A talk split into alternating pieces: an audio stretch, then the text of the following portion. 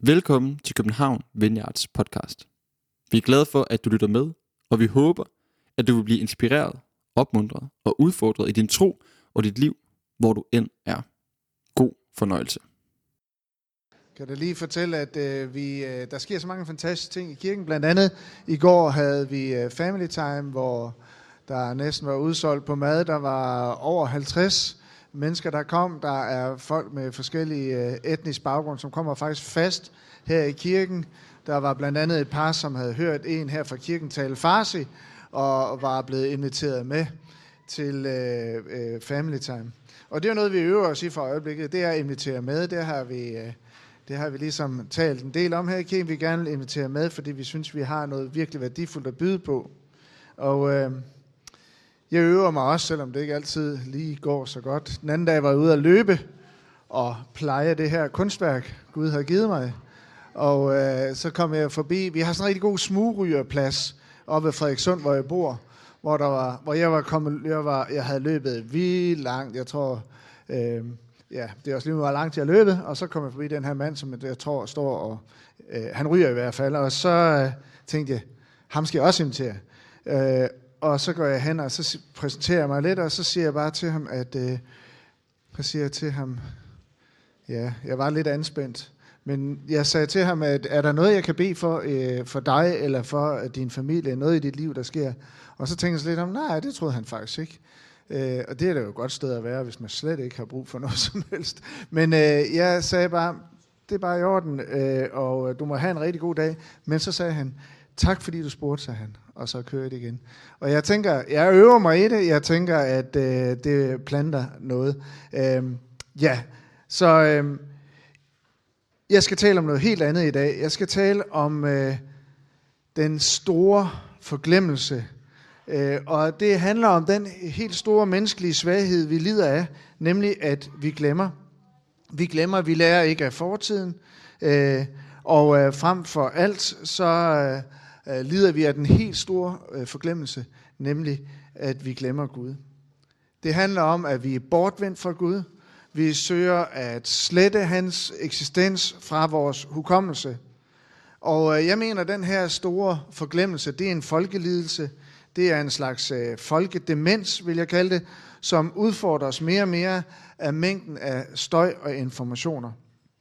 Og vi, vi glemmer Øh, og vi gentager de samme fejl igen og igen i vores verden, som er træt, som er ved at krakelere øh, på så mange måder. For eksempel så kommer der jo sjældent noget godt ud af krig. Øh, det sker nogle gange sikkert, men sjældent kommer der noget godt ud af det. Øh, I princippet så er vores hukommelse jo et endeløst bibliotek, hvor hylderne de kan fyldes op med dyrebare minder øh, og et helt livs erfaringer og viden og vores kapacitet til at huske er faktisk øh, mere eller mindre endeløs, men undersøgelser viser også, at vores hukommelse øh, skubbes til side af nye informationer, og dem bliver vi jo bombarderet med mere og mere. Det betyder, at vi glemmer de gamle og de vigtige informationer. Så vi glemmer alt for let og gentager de samme fejl igen og igen. Og den øh, russiske forfatter og systemkritiker øh, øh Solzhenitsyn, er det sådan, han hedder, Solzhenitsyn, øh, han påstod, at, øh, at årsagen til kommunismens grusomheder, det skyldes helt enkelt, at folk, de havde glemt Gud. Men have forgotten God. That's why all this has happened. Og jeg tænker, at det kunne være en passende overskrift for mange af verdenshistoriens grusomheder.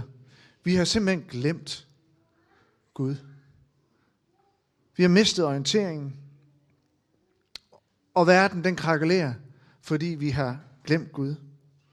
Nationer, familie, tro, kirke, det er i opløsning. Den store forglemmelse, vi har glemt Gud, og det er det vand, vi svømmer i.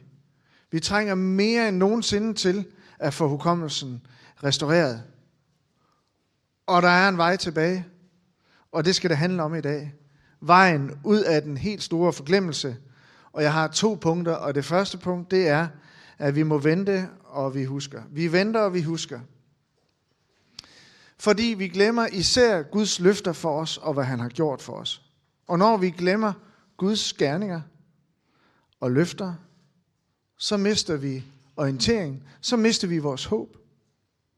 En præst, John Piper, sagde det sådan her, One of the great enemies of hope is forgetting God's promises. Og det kan salmisten David i Gamle Testamentet netop tale mere om, og det er min prædikentekst til i dag, den kommer nu. Og han siger, det er mig en smerte, at den højestes højre hånd ikke er den samme. David, han er på flugt fra kong Saul, og han oplever, at Guds indgriben i hans liv er ikke længere den samme. David, han bemærker altså, at Gud ikke opfører sig, som han gjorde tidligere. Og i sin afmagt, så konstaterer David så, mens han er på flugt, at han kan faktisk ikke længere genkende Gud. Og så begynder David at krakelere, fordi han ikke længere kan genkende Gud. Og det er en smerte for David. Det er mig en smerte, at den højestes højre hånd ikke er den samme. Og jeg synes, det er en fantastisk formulering. Og jeg ved godt, den er helt anderledes i alle de engelske oversættelser. Og den her personlige krakelering, den kan jeg godt genkende mig selv i. Når jeg i perioder står midt i en krise, så kan jeg opleve det som om, at jeg pludselig ingenting forstår om Gud. Så kan jeg klage til ham, så kan jeg sige, Gud, hvorfor passer du ikke på os? Hvorfor griber du ikke ind? Er du pludselig stoppet med at passe på os? Og øh, der er det som om, at alt det, jeg tidligere havde tænkt om Gud, på en eller anden måde krakelerer og falder til jorden. Din højre hånd er ikke længere den samme. Er du egentlig den samme Gud, som jeg troede på?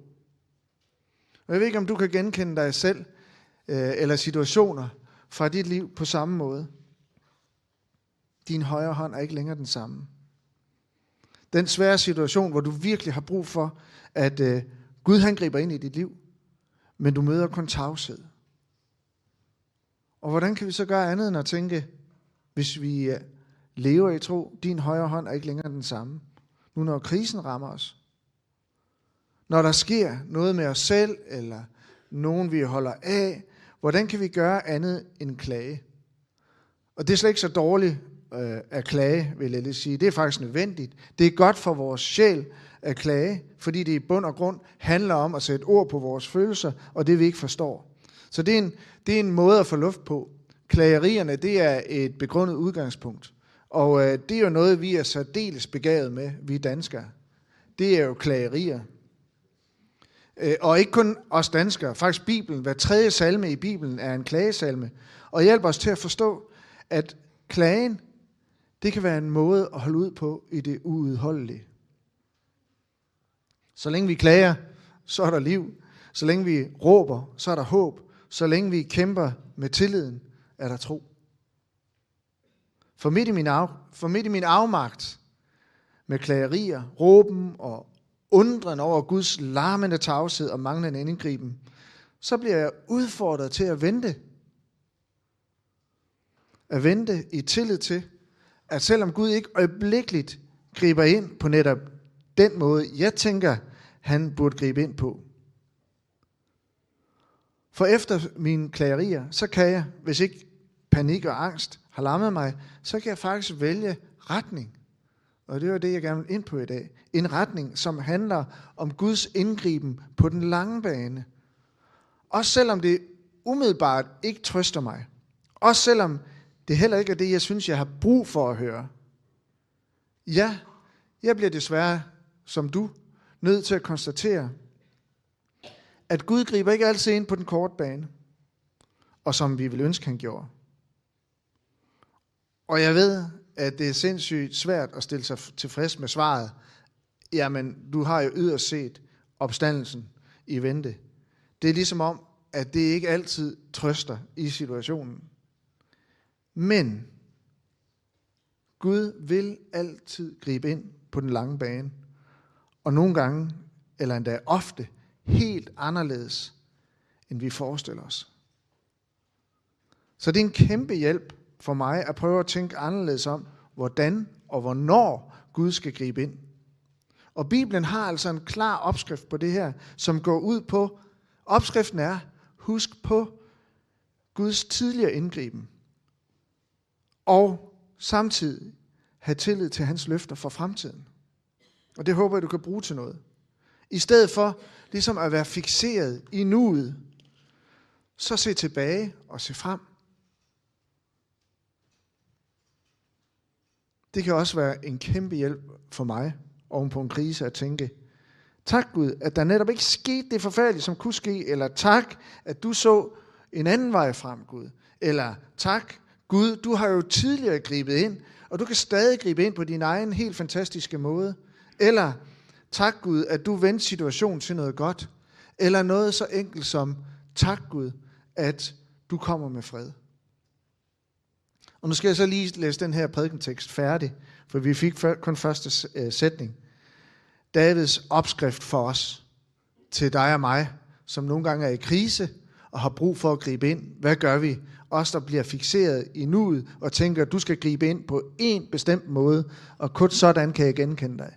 Her siger han, jeg siger, det er mig en smerte, at den højeste, og højestes højre hånd ikke er den samme. Jeg vil nævne Herrens gerninger, for jeg husker dine under i fortiden. Jeg grunder over hele dit værk. Jeg tænker over alle dine gerninger. Så allerede her i anden sætning, så kommer opskriften på vejen frem.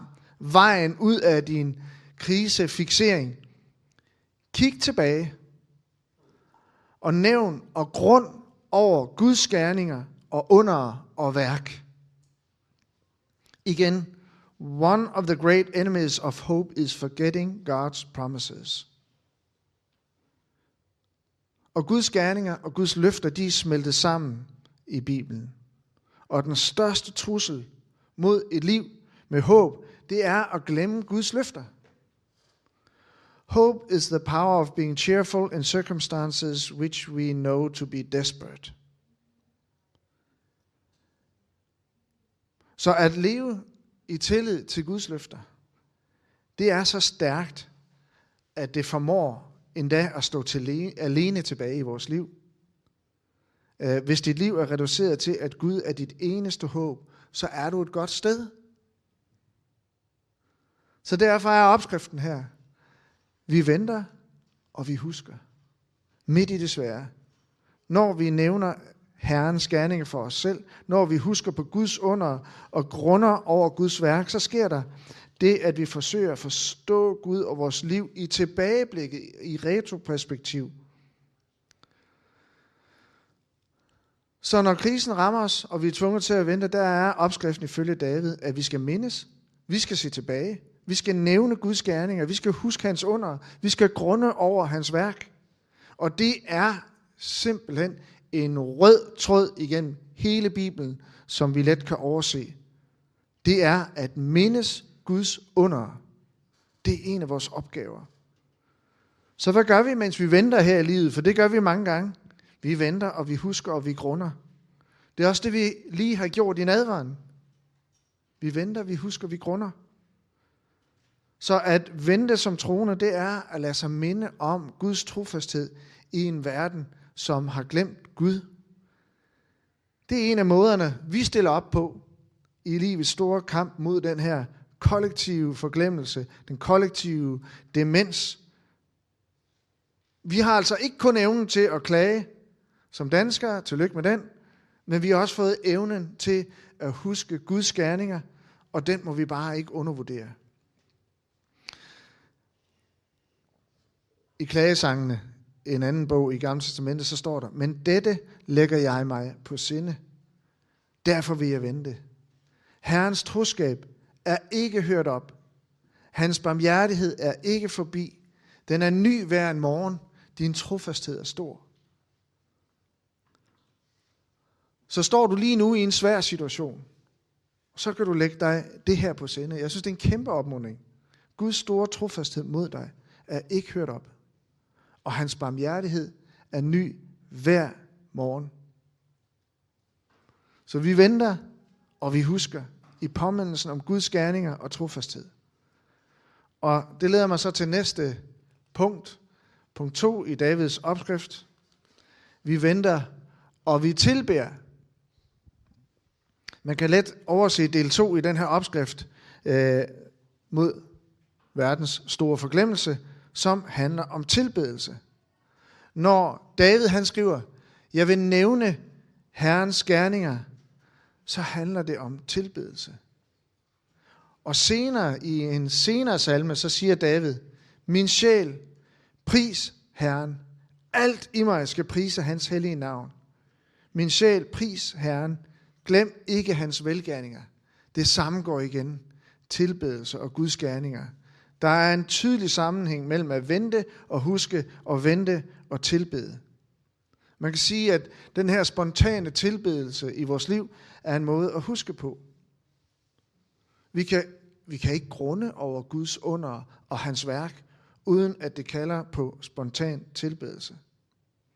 Omvendt, det er når vi ophører med at tilbede i vores liv, at vi glemmer, og igen er på vej ind i den store kollektive forglemmelse, verdens sygdom. Så opskriften, den er enkel, den er tilgængelig for hvert et menneske. Tilbed. Det er det, Bibelen siger. Jeg ved godt, det lyder enormt provokerende. Tilbedelse er vej ud af krisefixeringen. Tilbedelsen er vejen frem. Min sjæl, pris Herren, alt i man skal prise hans hellige navn. Min sjæl, pris Herren, glem ikke hans velgærninger. Og det er desværre alt for let at overse betydningen af tilbedelsen i vores liv, både individuelt og kollektivt. Og netop derfor handler så meget i Bibelen om, at vi tilbærer. Ikke kun individuelt, hjemme for os selv, i vores egen individuelle åndelige dyrkelse, men sammen. Ikke det ene uden os det andet. Og når vi kommer sammen som kirkefamilie, så sker det så let, at, øh, det, ved, det ved jeg ikke, om det gør.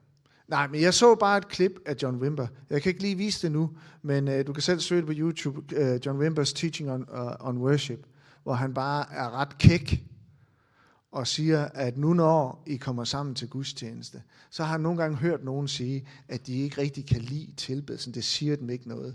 Og så stikker John Wimber fingeren i halsen. Øh, og øh, det er fordi, og så siger han, det handler jo ikke om dig. Tilbedelse handler ikke om dig. Han snakker om sådan en fødselsdag, hvor sø, en søskende var utilfreds over, at øh, øh, fødselsdagsbarnet, øh, sin søskende fik gaverne og så meget opmærksom. Men det handler jo ikke om dig, sagde moren. Det handler ikke om dig. Det handler om Gud. Det handler om Gud. Jeg ved godt, han er meget kæk.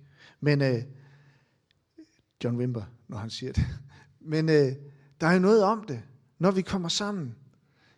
Vores kirkefamilie kan noget, det er jo, altså, det kan noget, det er tidens folkefrase. Men når vi kommer sammen, så hjælper vi med hinanden, hinanden med den helt store opgave, og det er at tilbede sammen. Der er noget af tilbedelsen, der skal ske sammen med andre, og ikke bare hjemme privat. En kollektiv opgave mod en kollektiv sygdom, den store forglemmelse. Derfor kommer vi sammen om søndagen, så ofte som vi overhovedet kan, medmindre vi ifølge Jesus har tre gode grunde til ikke at komme. Et, hvis du har købt en mark, og du bliver nødt til at se til den, eller du har købt fem okser, som du bliver nødt til at prøve af, eller hvis du lige er blevet gift. Og mig bekendt, så er der vist ikke så mange, der lige er blevet gift her for nylig, så tør jeg sige, vi ses på søndag. Derfor så er det også så vigtigt, at vi kommer sammen som kirkefamilie. Vi har brug for hinanden til at huske på Guds under. Vi har brug for hinanden for at tilbede Gud. Det er ikke nok for mig i bilen, i bilen at sidde og tilbede Gud, eller, eller um, gå en tur med hunden og se øh, Guds natur. Jeg skal sammen med jer for at tilbede os. Så vi har brug for hinanden, og brug for at huske Guds øh, under. Og det er netop det, vi kan give Gud. Og det kan vi give hinanden, når vi kommer sammen. Tilbedelsen handler om at give os til Gud, ifølge John Wimber, men også til hinanden. Og jeg, synes, jeg tænker, at det kan godt være, at jeg roder mig ud i noget forfærdeligt noget her, en masse påstand dag, men jeg tænker, coronaen, øh, coronans øh, benspænd for os, har medført mange gode indsigter i vores personlige liv. Det mener jeg virkelig. Men jeg spekulerer på, om vi har gjort regnestykket helt færdigt. Øh, jeg tror, det gode er, at vi har tænkt, der skal mere ro på. Der er mere hjemmearbejde, det kan være godt. Mere stilleliv. Øh, mere sommerhus. Mere hund. Det sidste vil jeg betvivle. Bitter erfaring. vi fik, ja, jeg taler altid om vores hund, vi fik den sidste, der var på coronahylden. øh, men jeg tænker bare, har vi gjort regnestykket færdigt angående vores tidsforbrug og prioritering, som handler om, hvad, hvad prioritering skal kirkefamilien have for mig? Er den med i dit regnestykke? Jeg synes, vi har noget værdifuldt. Hvad plads skal den have? For du har noget der at give, og du har noget der at tage imod.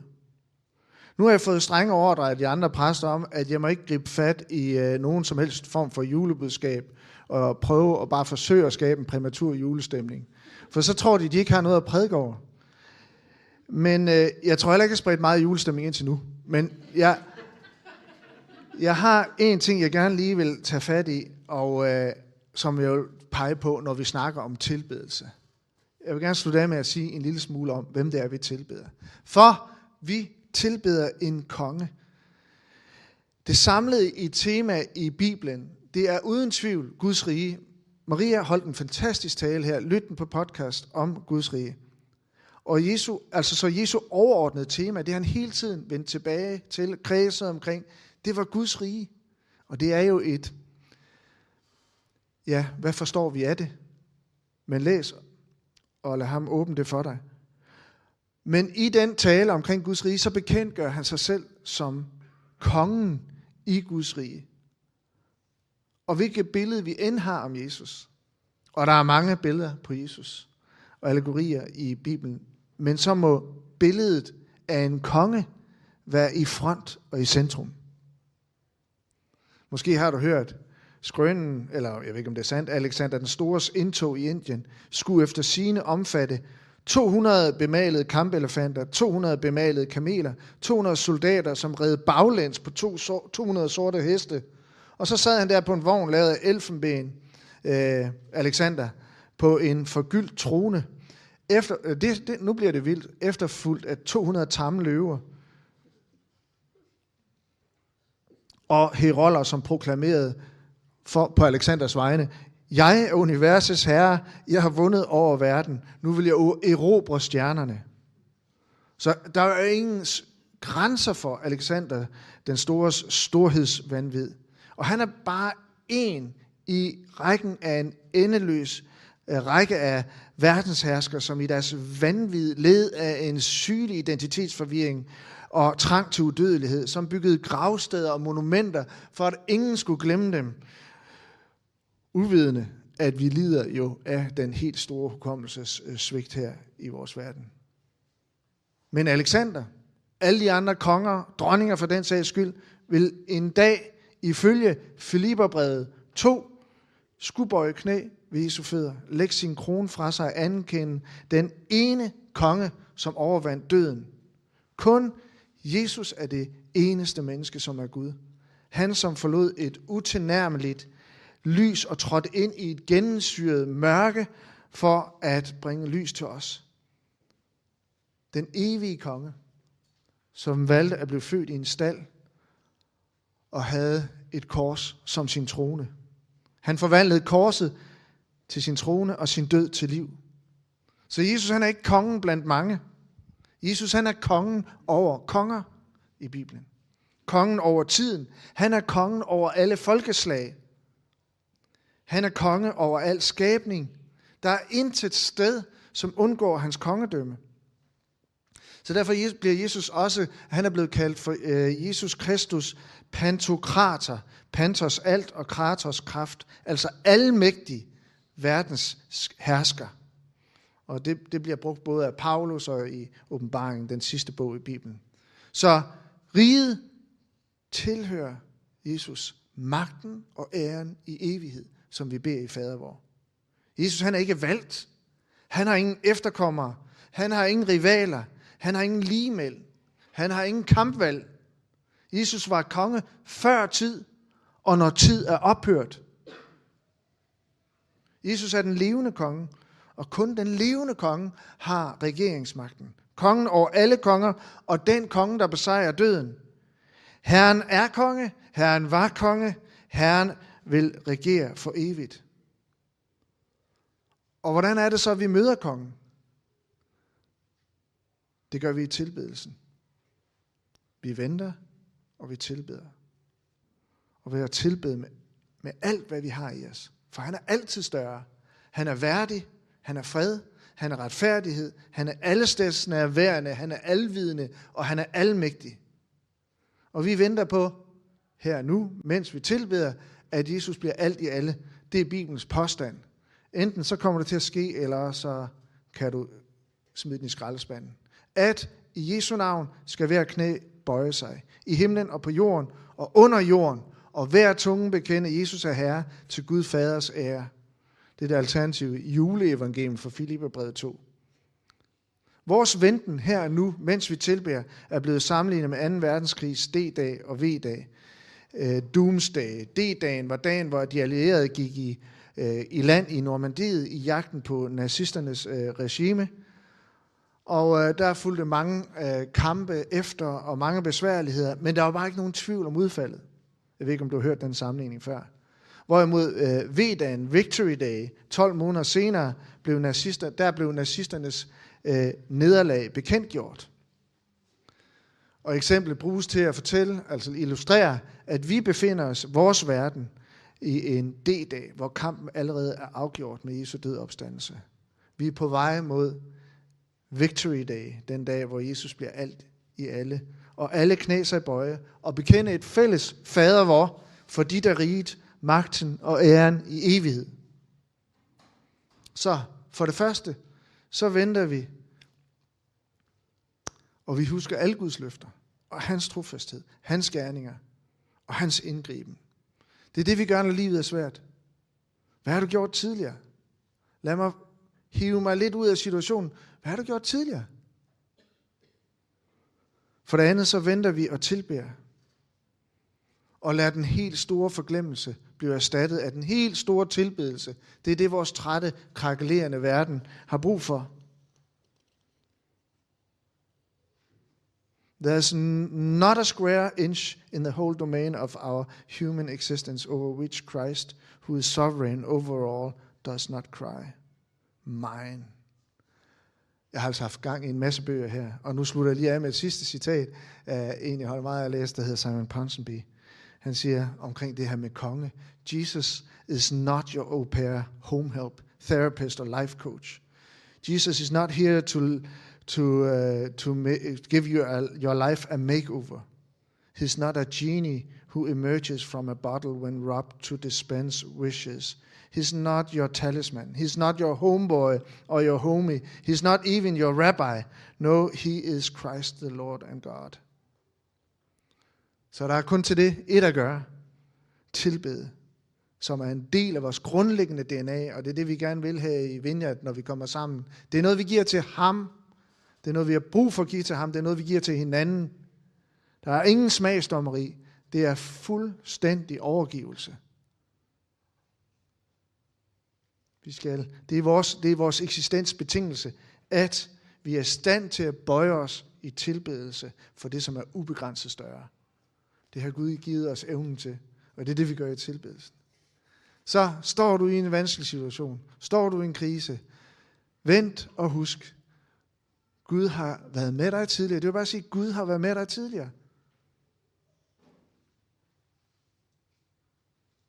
Og hans barmhjertighed er ny hver morgen. Han kan gøre fantastiske ting i dit liv. Tak fordi du lyttede med. Vi håber, du går herfra med fred i hjertet og mod på mere. Du kan finde mere fra København Vineyard på Facebook, Instagram og vores hjemmeside. Du skal vide, at du altid er velkommen i vores kirke på Nyvej 7. God dag.